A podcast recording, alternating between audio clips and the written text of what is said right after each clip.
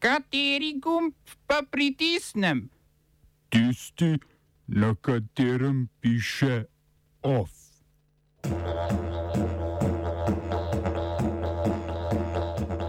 Ofenziva talibov na tri večja afganistanska mesta.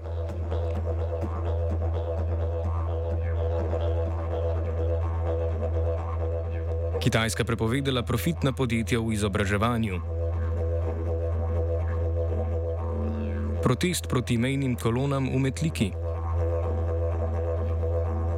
Informacijska pooblaščenka ni bila seznanjena z nobeno aplikacijo NIJZ-ja. V kreativni inšpekciji priložnostni centri za kreativnost.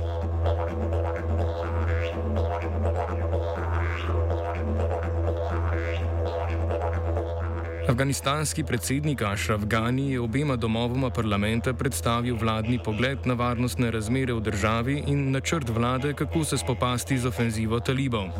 Ghani ni predstavil nobene podrobnosti načrtov vlade, ki pospešeno izgublja nadzor nad državo, je pa za razmere obtožil hiter umik Združenih držav Amerike in njihovih zaveznic. Predsednik sicer obljublja, da se bo varnostna situacija izboljšala v naslednjih šestih mesecih.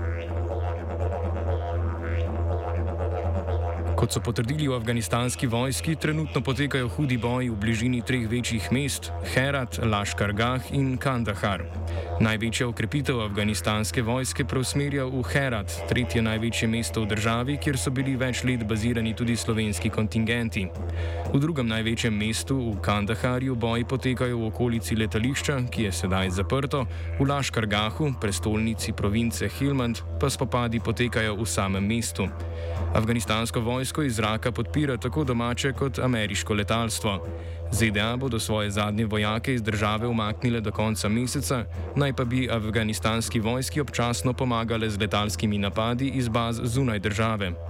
Vendar o možnostih, ki jih Washington pripisuje vladi v Kabulu, da odbije napade talibov, predvsej priča dejstvo, da naj bi ameriško zunanje ministrstvo še danes predstavilo bistveno širitev programa prioritetnih migrantov iz, Afgani iz Afganistana.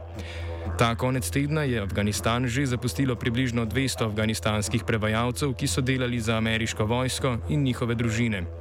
Po neuradnih informacijah medijev, ki se sklicujejo na vire v ameriškem obramnem ministrstvu, naj bi se ZDA pripravljale, da iz Afganistana evakuirajo 50 tisoč Afganistancev, ki so delali za ameriške sile ali ameriške nevladne organizacije.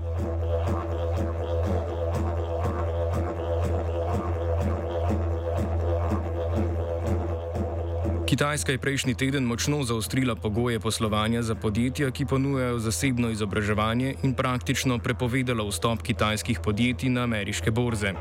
To je med drugim povzročilo hude izgube na kitajskih borzah, predvsem na račun prodaj velikih zahodnih finančnih institucij. Nova pravila so najbolj ugodna za do nedavnega približno 100 milijard evrov veliko industrijo zasebnih inštrukcij in drugih izobraževalnih podjetij. Ta so na kitajskem močno razširjena, saj so starši pod izredno velikim pritiskom, da bi otrokom zagotovili čim prestižnejšo izobrazbo, ki omogoča družbeni vzpon.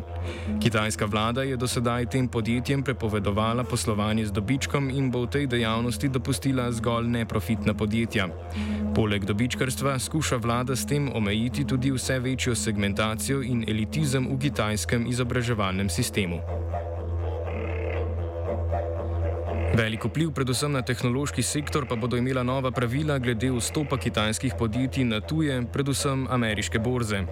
Za ta podjetja na newyorški borzi Nasdaq obstaja celo poseben indeks, indeks Kitajska Zlati Zmaj, ki je po novici izgubil 15 odstotkov vrednosti, podjetja v indeksu pa so zato vredna več kot 600 milijard evrov manj.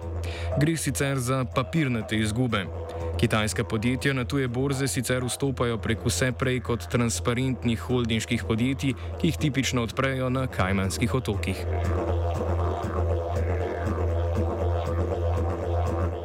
V Mehiki je na pobudo predsednika Andresa Manuela Lopeza Obradorja potekal referendum o tem, ali naj se proti nekdanjim predsednikom države odprejo preiskave o korupciji.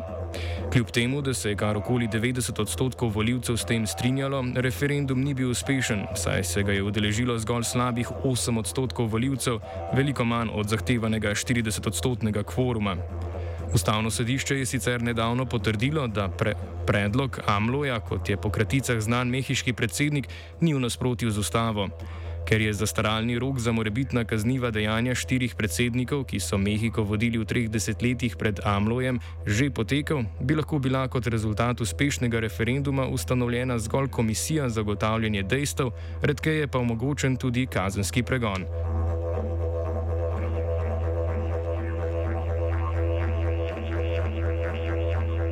Srpski predsednik Aleksandar Vučić in njegov, a, njegova albanski ter makedonski kolegija Eidi Rama in Zoran Zaev so se dogovorili, da med njihovimi državami od začetka leta 2023 ne bo več nadzora na mejnih prehodih.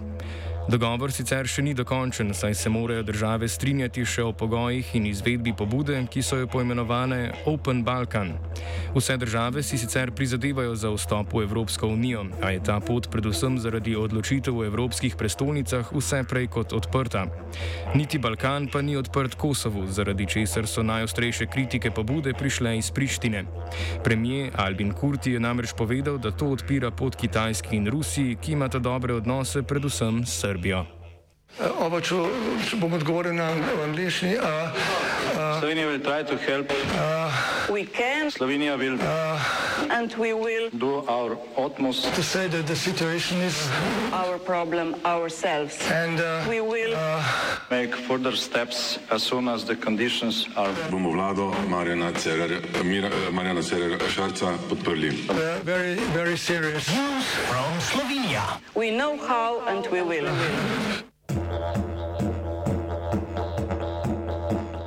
Urad informacijskega pooblaščenca ni bil uradno seznanjen z nobeno izmed aplikacij za preverjanje izpolnjevanja pogoja PCT. S tem se je med drugim odzval tudi na napade nekaterih članov in podpornikov vlade, da je urad kriv za neučinkovitost ukrepov in težave z aplikacijo. Več pooblaščenka Mojca Prelesnik. Informacijski pooblaščenec z nobeno od, bom rekla, domnevno dveh verzij aplikacije NIOZ-ja za preverjanje izpolnovanja pogojev PCT ni seznanjen. Se pravi, informacijski pooblaščenec niti nikomur ni predhodno svetoval, ker se nihče ni nanj obrnil, še manj je karkoli odrejal, še več prejel ni še niti odgovorov uh, NIOZ-ja. Torej, državna nadzornica za varstvo osebnih podatkov je, bom rekla, po prijemu prijave um, poslala poziv poziv NIOZ-ju, da naj se opredeli do uh, te aplikacije, torej kaj gre za, za kakšno aplikacijo gre, kateri podatki se obdelujejo, um, kdo je upravljalec in tako naprej, ali je bila narejena presoja vplivov na zasebnost in Nacionalni inštitut za javno zdravje. Um, je v petek poslal zgolj in samo zaprosilo za podaljšanje roka do 18.8. za podajo odgovorov. Na NIJZ-ju so 23. julija predstavili aplikacijo, ki jo uporablja policija na mejnih prehodih in s katero bi lahko organizatori prireditev ter gostinci in ponudniki nastanitev v skladu z vladnimi odloki preverjali izpolnjevanje pogojev PCT, a je bila aplikacija omaknjena. Izkazalo se je namreč, da pri branju QR kode potrdila prikaže ime in priimek ter datum rojstva, hkrati pa je vidno tudi, ali je oseba prebolela COVID-19, bila proti njemu cepljena ter ali ima veljaven negativni test. Na NIJZ-ju so na to aplikacijo, ki je od petka spet na voljo, modificirali, tako da anomi, anonimizirana pokaže le, ali posameznik izpolnjuje PCT pogoje ali ne. O tem, kakšne so omejitve evropskega COVID-nega potrdila in pod katerimi pogoji se sme to uporabo razširiti, ponovno prelesnik same te QR kode um, gre za, bom rekla, primer, kjer so organi Evropske unije večkrat povdarjali, da pravna podlaga obstaja zgolj za uporabo tega EU COVID potrdila za namene prehajanja meje, se pravi znotraj, uh, znotraj EU med državami članicami. Če pa bi katerakoli država želela ta potrdila uporabljati tudi za druge namene, mora pa sprijeti ustrezno nacionalno zakonodajo, ki bo to dopuščala. Tako tak primer je recimo Francija ali pa Avstrija, po kateri se radi zgledujemo. Tukaj so sprijeli nacionalne zakone, uporabniki, organizatori dogodkov uh, ali pa, bom rekla, gostinci niso prepuščeni sami sebi, ampak točno vedo, kaj se s to aplikacijo počne. V Metliki je v soboto potekal protest, na katerem so prebivalci pozvali k rešitvi zdaj neuzdržnih kolon, ki v teh poletnih mesecih potekajo od mejnega prehoda po glavni cesti čez vse kraj. Predvsem tranzitni promet tovornih vozil se je v zadnjih štirih letih močno povečal. Občane tako moti hrup po noči, čez dan pa ne morejo iz svojih domov. Alenka Tomašič, predsednica sveta mestne skupnosti Metlika, je nagovorila svoje sokrajane. Pač, eh, Metlika je naše mesto, vsi jo imamo radi, uh, radi živimo v njej uh, in moramo v njej tudi dobro živeti. Ne pa da imamo vsak vikend, pa vsak dan probleme zaradi tega, ker skozi Metliko poteka neka državna cesta. Uh, Tako da mi se bomo še naprej borili, trudili uh, za rešitev. Res pričakujemo od pristojnih, da bodo tudi kratkoročno našli rešitve, ker pač vemo vsi, da tudi če obljubijo zdaj, da bodo začeli delati tretjo razvojno os v Metliki, znamo, kaj je s tem in kako se v Sloveniji stvari delajo. Metličani so začeli podpisovati tudi peticijo. Od države zahtevajo prepoved tranzitnega prometa skozi Metliko do izgradnje južnega dela tretje razvojne osi in da se slednjo začne graditi na začetku, torej v Metliki. Metliški župan Darko Zevnik naj bi se ta teden sestal s predstavniki Darsa in se z njimi dogovoril za hitrejšo pripravo dokumentacije za gradnjo obvozne ceste do mejnega prehoda.